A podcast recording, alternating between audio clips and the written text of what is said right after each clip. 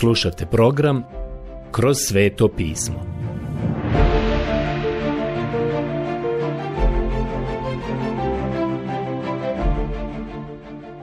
Knjiga Postanak.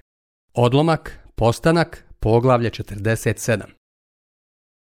Naše današnje proučavanje dovodi nas do 47. poglavlja knjige Postanka. Ukoliko imate svoju Bibliju, vjerujem da ćete htjeti otvoriti na tom mjestu da možete onda bolje pratiti naše proučavanje. Vidjeli smo da su Jakov i njegova porodica, ukupno 70 duša, stigli dole u zemlju Egipat, a Josip je napravio strateški potez i doveo ih je u zemlju Gošen, koja je zapravo bila najbogatija oblast u to vrijeme u svijetu. I oni su sada usred gladi i niti jedna zemlja u tom trenutku nije toliko vrijedila vlasniku. Sada ćemo otkriti da je ovo poglavlje koje govori o Jakovu u najboljem svjetlu do sada. Jakov se jednostavno ne pojavljuje u dobrom svjetlu kada ga prvi put sretnete u Svetom pismu. Zapravo, tako je sve dok ne dođete do trenutka kada on krene na ovo putovanje u Egipat. I tek tada možete vidjeti da je on postao čovjek vjere. Vjerujem da nam ovo poglavlje to otkriva više nego bilo koje drugo. Glad je sada postala intenzivnija i gora. Naravno, bliži se kraju. Ali ljudi u cijelom svijetu su bili zahvaćeni glađu, a ne samo Kanan i ne samo Egipat. Oni su jedini koji se ovdje spominju i razlog je očigledan, jer su samo te dvije geografske oblasti koje se uopšte tiču naše priče. Josip predstavlja svoju porodicu faraonu. Sada želimo početi čitati ovdje, prvi stih u 47. poglavlju knjige Postanka. Ovdje vidimo da će Josip predstaviti svog oca i porodicu faraonu u Egiptu. Josip ode i dojavi faraonu. Otac moj i moja braća, sa svojim ovcama i govedima i sa svim svojim imanjem, dođoše iz kananske zemlje i nalaze se u Gošenu. Vidimo da ih je Josip i prije nego što je od faraona zatražio mjesto za svog oca i svoju braću, već bio smjestio u zemlju Gošen. Možete vidjeti strategiju u tome. Sama činjenica da su oni već bili u Gošenu dovela je do toga da im faraon onda da tu zemlju, jer su se već bili smjestili tamo i raspakovali svoje stvari. Plan je bio da on kaže, onda ostanite tamo gdje ste se već smjestili. I to bi bilo to. Pročitat ćemo sada drugi i treći stih. Petoricu od svoje braće bio je uzeo sa sobom, njih predstavi faraonu. A kad faraon upita njegovu braću, što je vaše zanimanje, odgovoriše oni faraonu. Pastiri ovaca su tvoje sluge, mi, kao i naši oci. Vidjeli smo prošli put da se pastiri i stočari nisu slagali u to vrijeme, a Egipćani jednostavno nisu marili za pastire. Drugim riječima, nisu marili za čuvanje ovaca. To ih nije uopšte zanimalo. Kako se danas kaže u slengu, Egipćanima je bilo stalo do čuvanja ovaca kao do lanjskog snijega. Nije ih bilo briga za tako nešto. Kako oni nisu marili za to, otvorilo se zanimanje i prilika za djecu Izraela da rade nešto što su oni mogli raditi, a što Egipćani nisu željeli raditi. Faraon je pitao Josipovu braću čime se bave. Oni su odgovorili Faraonu. Pastiri ovaca su tvoje sluge, mi, kao i naši oci. Tada rekoše faraonu, dođo smo da se ovdje u zemlji zadržimo neko vrijeme. Sluge tvoje ne nalaze više za svoje ovce paše, jer glad teško pritišće kanansku zemlju. Pa dopusti da tvoje sluge smiju ostati u gošenskoj zemlji. Tada reče faraon Josipu, dođoše ti tvoj otac i tvoja braća. Egipatska ti zemlja stoji na raspolaganju. Naseli svog oca i braću u najboljem dijelu zemlje. Neka ostanu u Gošenu i nađeš li među njima valjane ljude, postavi ih za nadzornike nad mojim vlastitim stadom. Knjiga Postanka 47, 4 do 6. Drugim riječima, to zanimanje očigledno nije bilo popularno u Egiptu. Faraonu je trebao neko ko bi se brinuo o njegovoj stoci, a budući da su Josipova braća bili pastiri, činilo se da su svi bili na dobitku. U tom trenutku glad je bila širom svijeta i bilo je očigledno koliko je bila ozbiljna jer sada već pogađa i egipatsku zemlju. Znamo da je Egipat svake godine ovisio o poplavama rijeke Nil. Tada uopšte nije bilo tih poplava i kao rezultat toga patio je čak i Egipat. Ali Josip je već ranije sakupio mnogo žita. Vidimo sada da Josip predstavlja faraonu i svog vlastitog oca. I želim da zapazite sljedeće. Jakova sada vidimo u najboljem svjetlu u kakvom ga nismo mogli vidjeti tokom cijelog našeg proučavanja o njegovom životu. Potom dovede Josip svog oca Jakova unutra i predstavi ga faraonu. Jakov pozdravi faraona želeći mu blagoslov. Knjiga Postanka 47.7 Zapazite sljedeću stvar. Jakov je sada na mjestu da blagoslovi faraona. On počinje opravdavati svoje ime koje je dobio. Vidite, Jakov je svjedok za Boga, a manje je uvijek blagoslovljeno od većeg. I on sada tamo blagosilja faraona, blagosilja ga kao onaj koji je svjedok za Boga. Faraon upita Jakova, koliko ti je godina? Knjiga Postanka 47.8 Ovdje imamo situaciju u kojoj bi Jakov, da je zadržao onu svoju staru prirodu koju je imao na početku, on bi ovdje počeo da se hvališe i govori. Kažem ti da imam 130 godina i želim ti reći, faraone, da sam stvarno vidio puno toga u životu. Želio bih ti ispričati o tome kada sam nadmudrio svoga brata Ezava. Želio bih ti ispričati kako sam to učinio, pa kako sam stekao mnogo u zemlji Haran. Zatim, kako sam se konačno dogovorio sa svojim puncem i onda kako sam ponovo sreo svog brata Ezava i tako dalje i tako dalje.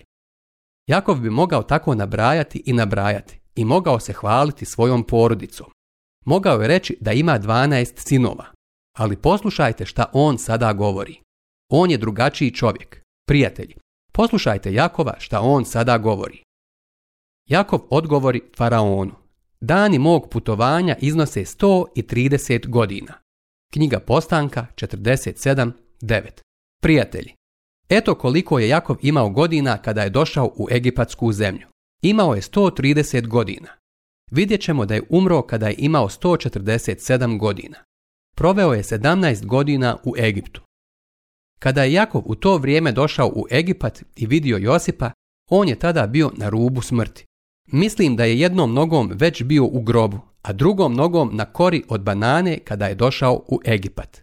Bio je spreman umrijeti, ali on je poživio još 17 godina nakon što je saznao da je Josip živ. Sada poslušajte šta je rekao. Jakov odgovori faraonu. Dani mog putovanja iznose 130 godina. Malo ih je na broju, a zle su bile godine moga života. Ne stižu one godina života mojih otaca što ih oni provedoše na svojemu putovanju. Ovdje je bila prilika da se ovaj starac pohvali. On bi u ovom trenutku stvarno mogao ispričati nekoliko interesantnih priča da je on bio isti čovjek koji je pobjegao iz svog doma tamo gore, u zemlji Kanan, vjerovatno bi on to sada i učinio. Ali sve što može sada reći je sljedeće. Imam 130 godina i moj život nije nešto čime bih se mogao hvaliti. Malo je bilo dana i zli su bili dani moga života. A sada nešto drugo. Nadmudrio sam jednom prilikom svoga oca. Da li je to rekao? Ne. Jakov kaže, nisam dostigao dane ni godine života svojih otaca u danima njihova putovanja, hodočašća na zemlji. Ne mjerim se sa svojim očevima. Zvuči li ovo kao onaj stari Jakov koga smo poznavali na početku? Ne. Sada je on drugi čovjek. On se promijenio. On daje slavu Bogu za svoj život i ne hvali se niti govori da je postigao mnogo. Tada se Jakov oprosti od faraona i ode. Knjiga Postanka 47.10. Iskreno govoreći, ja mislim da je on ovdje postigao zrelost. Evo prilike da se on pohvali, a on je nije iskoristio. Neko drugi bi mogao reći, ja sada želim impresionirati faraona, da vidi ko sam ja. Faraon je veliki vladar, ali želim da zna da sam i ja bio prilično značajan čovjek tamo gore u zemlji Kanan. Jakov to nije uradio. Rekao je, Dani su mi bili zli. Bio sam grešnik.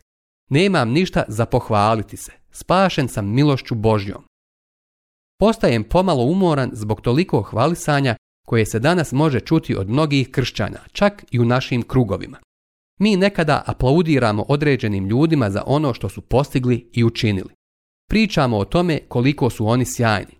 Kada bismo svi govorili istinu, ono što bismo rekli jeste da smo samo hrpa grešnika i nemamo se čime hvaliti osim što imamo predivnog spasitelja koji je bio milostiv i strpljiv tokom svih ovih godina.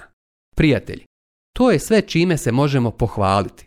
To je sve čime se bilo ko od nas danas ovdje može pohvaliti. Spasiteljem koji je ubijen za nas. I ne možemo reći da smo bolji od svojih očeva. Sjećam se mog prijatelja, profesora koji mi je prije mnogo godina predavao u teološkoj školi. Govorio mi je, jer mislim da svaki mladić, a pretpostavljam i svaka djevojka, prolazi kroz takvo razdoblje života u svojim tinejdžerskim godinama. Na neki način se srami svojih roditelja. Znate, oni jednostavno nisu moderni, nisu dorasli tom novom vremenu. I tako mi je taj profesor govorio i rekao je, znaš, bit ću iskren sa tobom, kada sam otišao na koleđ, ja sam se sramio svoga oca. A njegov otac je bio propovjednik. Dolazio je na koleđ da govori i predaje. Onda mi je moj profesor rekao sljedeće. Pretvarao bih se tada da sam bolestan. Nisam mogao doći na vrijeme čak ni onda kada je govorio u školi, jer ja jednostavno nisam želio da me zovu njegovim sinom. I sramio sam ga se. Zatim je rekao, znaš, proveo sam četiri godine na koleđu, a zatim sam se počeo baviti biznisom na nekoliko godina. Želim ti reći, bilo mi je veoma teško. Rekao mi je da je tokom tog vremena promijenio svoje mišljenje o svom ocu. Rekao je da je neko vrijeme mislio da stari jednostavno nije sposoban zarađivati za život za porodicu. Činilo se da njemu ide prilično dobro. Njegov otac je svakako bio izvanredan učitelj Biblije, ali on je mislio da je prilično glup. Rekao mi je još, znaš, nakon što sam bio u poslovnom svijetu i suočio se sa nekoliko stvari, pomislio sam sljedeće. Bože, kako se moj otac popravio? Niko nikada nije naučio onoliko koliko je on naučio za tih nekoliko godina koliko sam ja bio odsutan od kuće. Zapravo, moj profesor je tada odrastao i rekao mi je. Iskreno govoreći, zaključio sam da je moj otac mnogo pametniji nego što sam mislio. To je ono što bi mnogi od nas rekli, ali ne i Jakov. On je zauzeo ovaj skroman stav i ovdje vidimo da je on drugačiji čovjek. On je promijenjen čovjek. Dozvolite mi sada da pročitam 11. stih u 47. poglavlju knjige Postanka. A Josip naseli svog oca i braću i dade im posjed u egipatskoj zemlji, u najboljem dijelu zemlje, naime u pokrajini Ramseškoj, kao što je bio zapovjedio faraon, a to je zemlja Gošen. Josip opskrbi kruhom oca i braću i svu obitelj svog oca po broju njihove družine. Na svoj zemlji nije tad više bilo kruha, jer je glad bila veoma velika. I egipatska zemlja, kao i kananska zemlja, bila je iscrpljena od gladi. Razlog zbog kojeg se spominju ove dvije zemlje jeste taj što su to geografske lokacije koje su uključene u našu priču. Ali obje te oblasti sada pate zbog gladi. Da je Jakov ostao sa svojom porodicom u Kananu, on bi propao, ali u Egiptu je bilo uskladištenog žita, iako ga više nisu proizvodili. Očigledno se glad proširila po cijeloj Africi, jer rijeka Nil, ili kako su je još zvali plavi Nil, nije imala dovoljno vode koja bi se izlila u Egiptu. Pročitat ćemo sada 14. stih. Josip pomalo sve novce, što se nađoše u zemlji Egipatskoj i u zemlji Kananskoj, skupi u svoju ruku za žito što se je moralo kupovati. Josip izruči te novce faraonovoj kući. Ovdje vidimo nešto zbog čega je Josip bio kritikovan da je iskoristio neimaštinu naroda i pokupovao zemlju. Drugim riječima upisao je hipoteku i kupio zemlju. Mislim da je to nepravedna kritika na njegov račun. Za početak, on je faraonov službenik. Ništa od toga on nije učinio za sebe. Nije se nimalo okoristio time. Ne trudi se obogatiti se i nije pokvaren ni u kom smislu te riječi. Nije lično profitirao zbog gladi. Ilustrovaću to na sljedeći način. Prisjetit ćete se da onda kada je otkriveno da se atomska bomba može napraviti od urana, da je uran odjednom postao jedan od najtraženijih elemenata, jedan od metala koji je izuzetno vrijedan. Tada su neki ljudi otkrili da imaju uran na svome imanju, posebno ovdje u Arizoni. Zato im je plaćena pozamašna svota novca. Jesu li iskorištavali svoju vladu? Ne mislim da je bilo tako. Zakon ponude i potražnje te nedostatka nekog artikla i potražnja za njim, sve je to kreiralo cijenu. Ista stvar je bila i ovdje u Egiptu. Josip je kupio zemlju. Siguran sam da je dobio po dobroj cijeni. Kupio je zemlju za faraona, ali to je pitanje zakona ponude i potražnje. Josip je zapravo omogućio ljudima da žive tako što im je davao hranu. Mislim da je Josip postupajući tako ostao unutar granica zakona ponude i potražnje molim vas da sada obratite pažnju na 15. stih. A kad nestade novaca u Egipatskoj i u Kananskoj zemlji, stadoše svi Egipćani dolaziti k Josipu moleći, daj nam kruha, zašto da pomrijemo pred tvojim očima, jer nema više novaca. Josip odvrati, dajte ovamo svoju stoku i ja ću vam za stoku dati kruha kad više nemate novaca.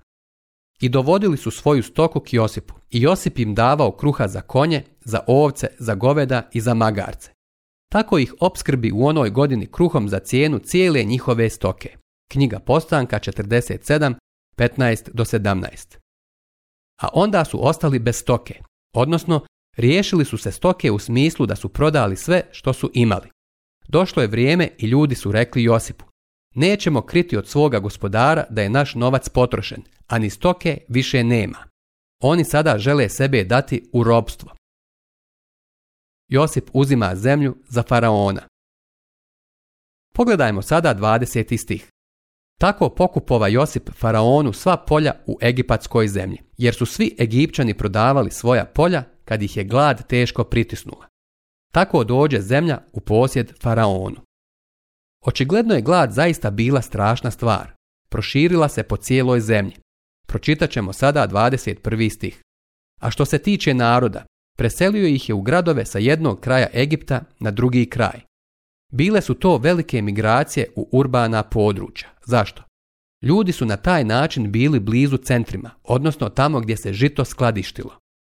Sjećate se da je Josip na samom početku svoje službe za faraona uspostavio te centre po cijelom Egiptu i tamo se skladištilo žito. Zatim je on doveo ljude tamo gdje će biti blizu centara snabdijevanja jer je glad postala jako ozbiljna.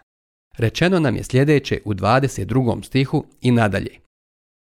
Samo ne kupi svećenička polja jer su svećenici dobivali od faraona utvrđen dohodak i živjeli su od svojega utvrđenog dohotka što im ga je bio odredio faraon. Zato svećenici ne morahu prodavati svojih polja. Josip reče narodu, ovim kupujem vas zajedno s vašim poljima za faraona. Evo vam sjemena da možete posijati polja, ali od prihoda morate jednu petinu dati faraonu.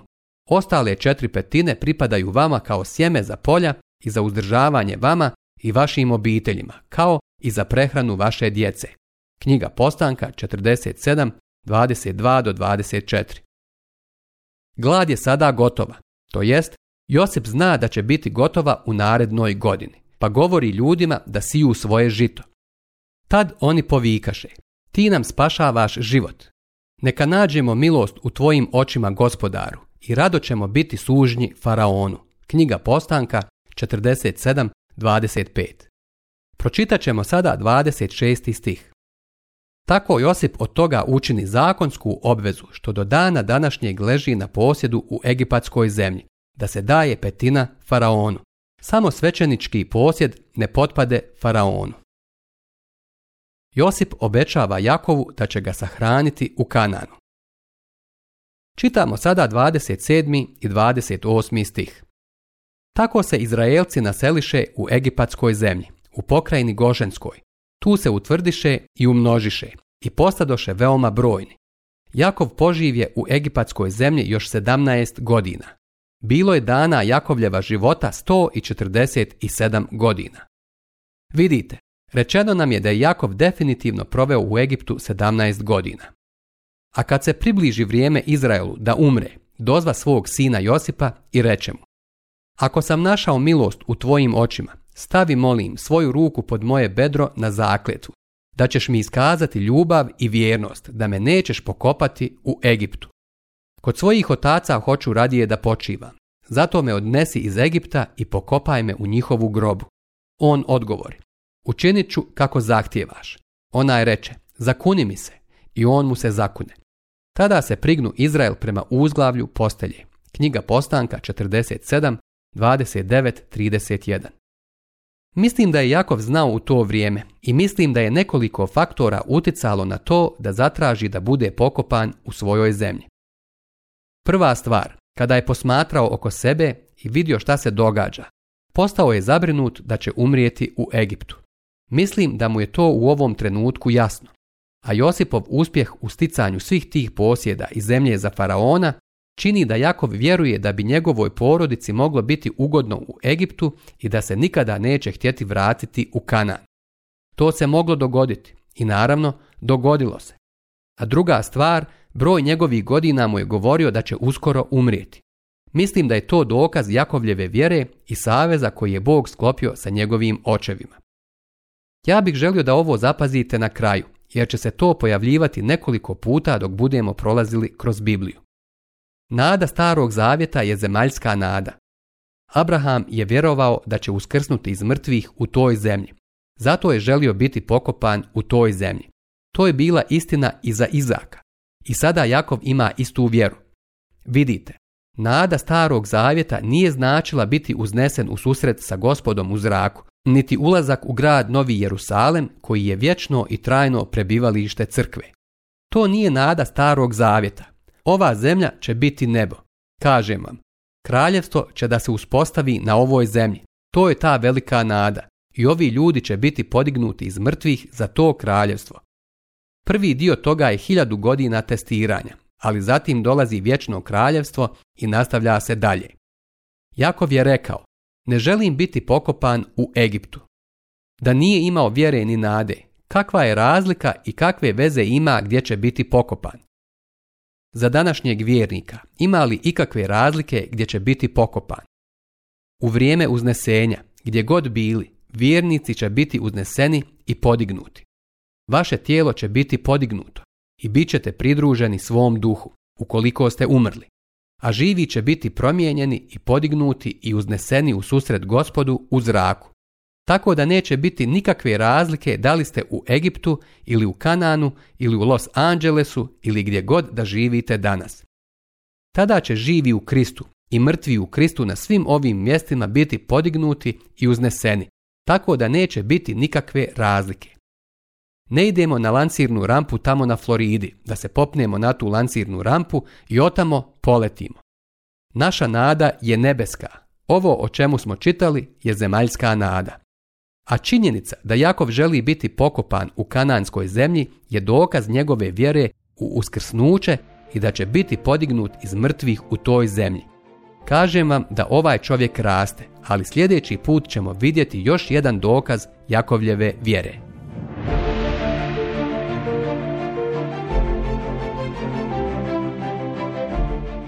Slušali ste emisiju Kroz sveto pismo. Možete nas slušati i na našem YouTube kanalu, putem mobilne aplikacije, te na svim glavnim podcast platformama kao što su Google, Apple i Spotify. Ako vam se naši programi dopadaju, preporučite ih i podijelite s drugima. Budite slobodni da ostavite svoj komentar ili nam pišite na našu e-mail adresu kroz sveto at gmail.com Zapratite našu stranicu kroz sveto pismo BiH na Facebooku i na Instagramu. Emisije iz ove serije možete pronaći na našoj stranici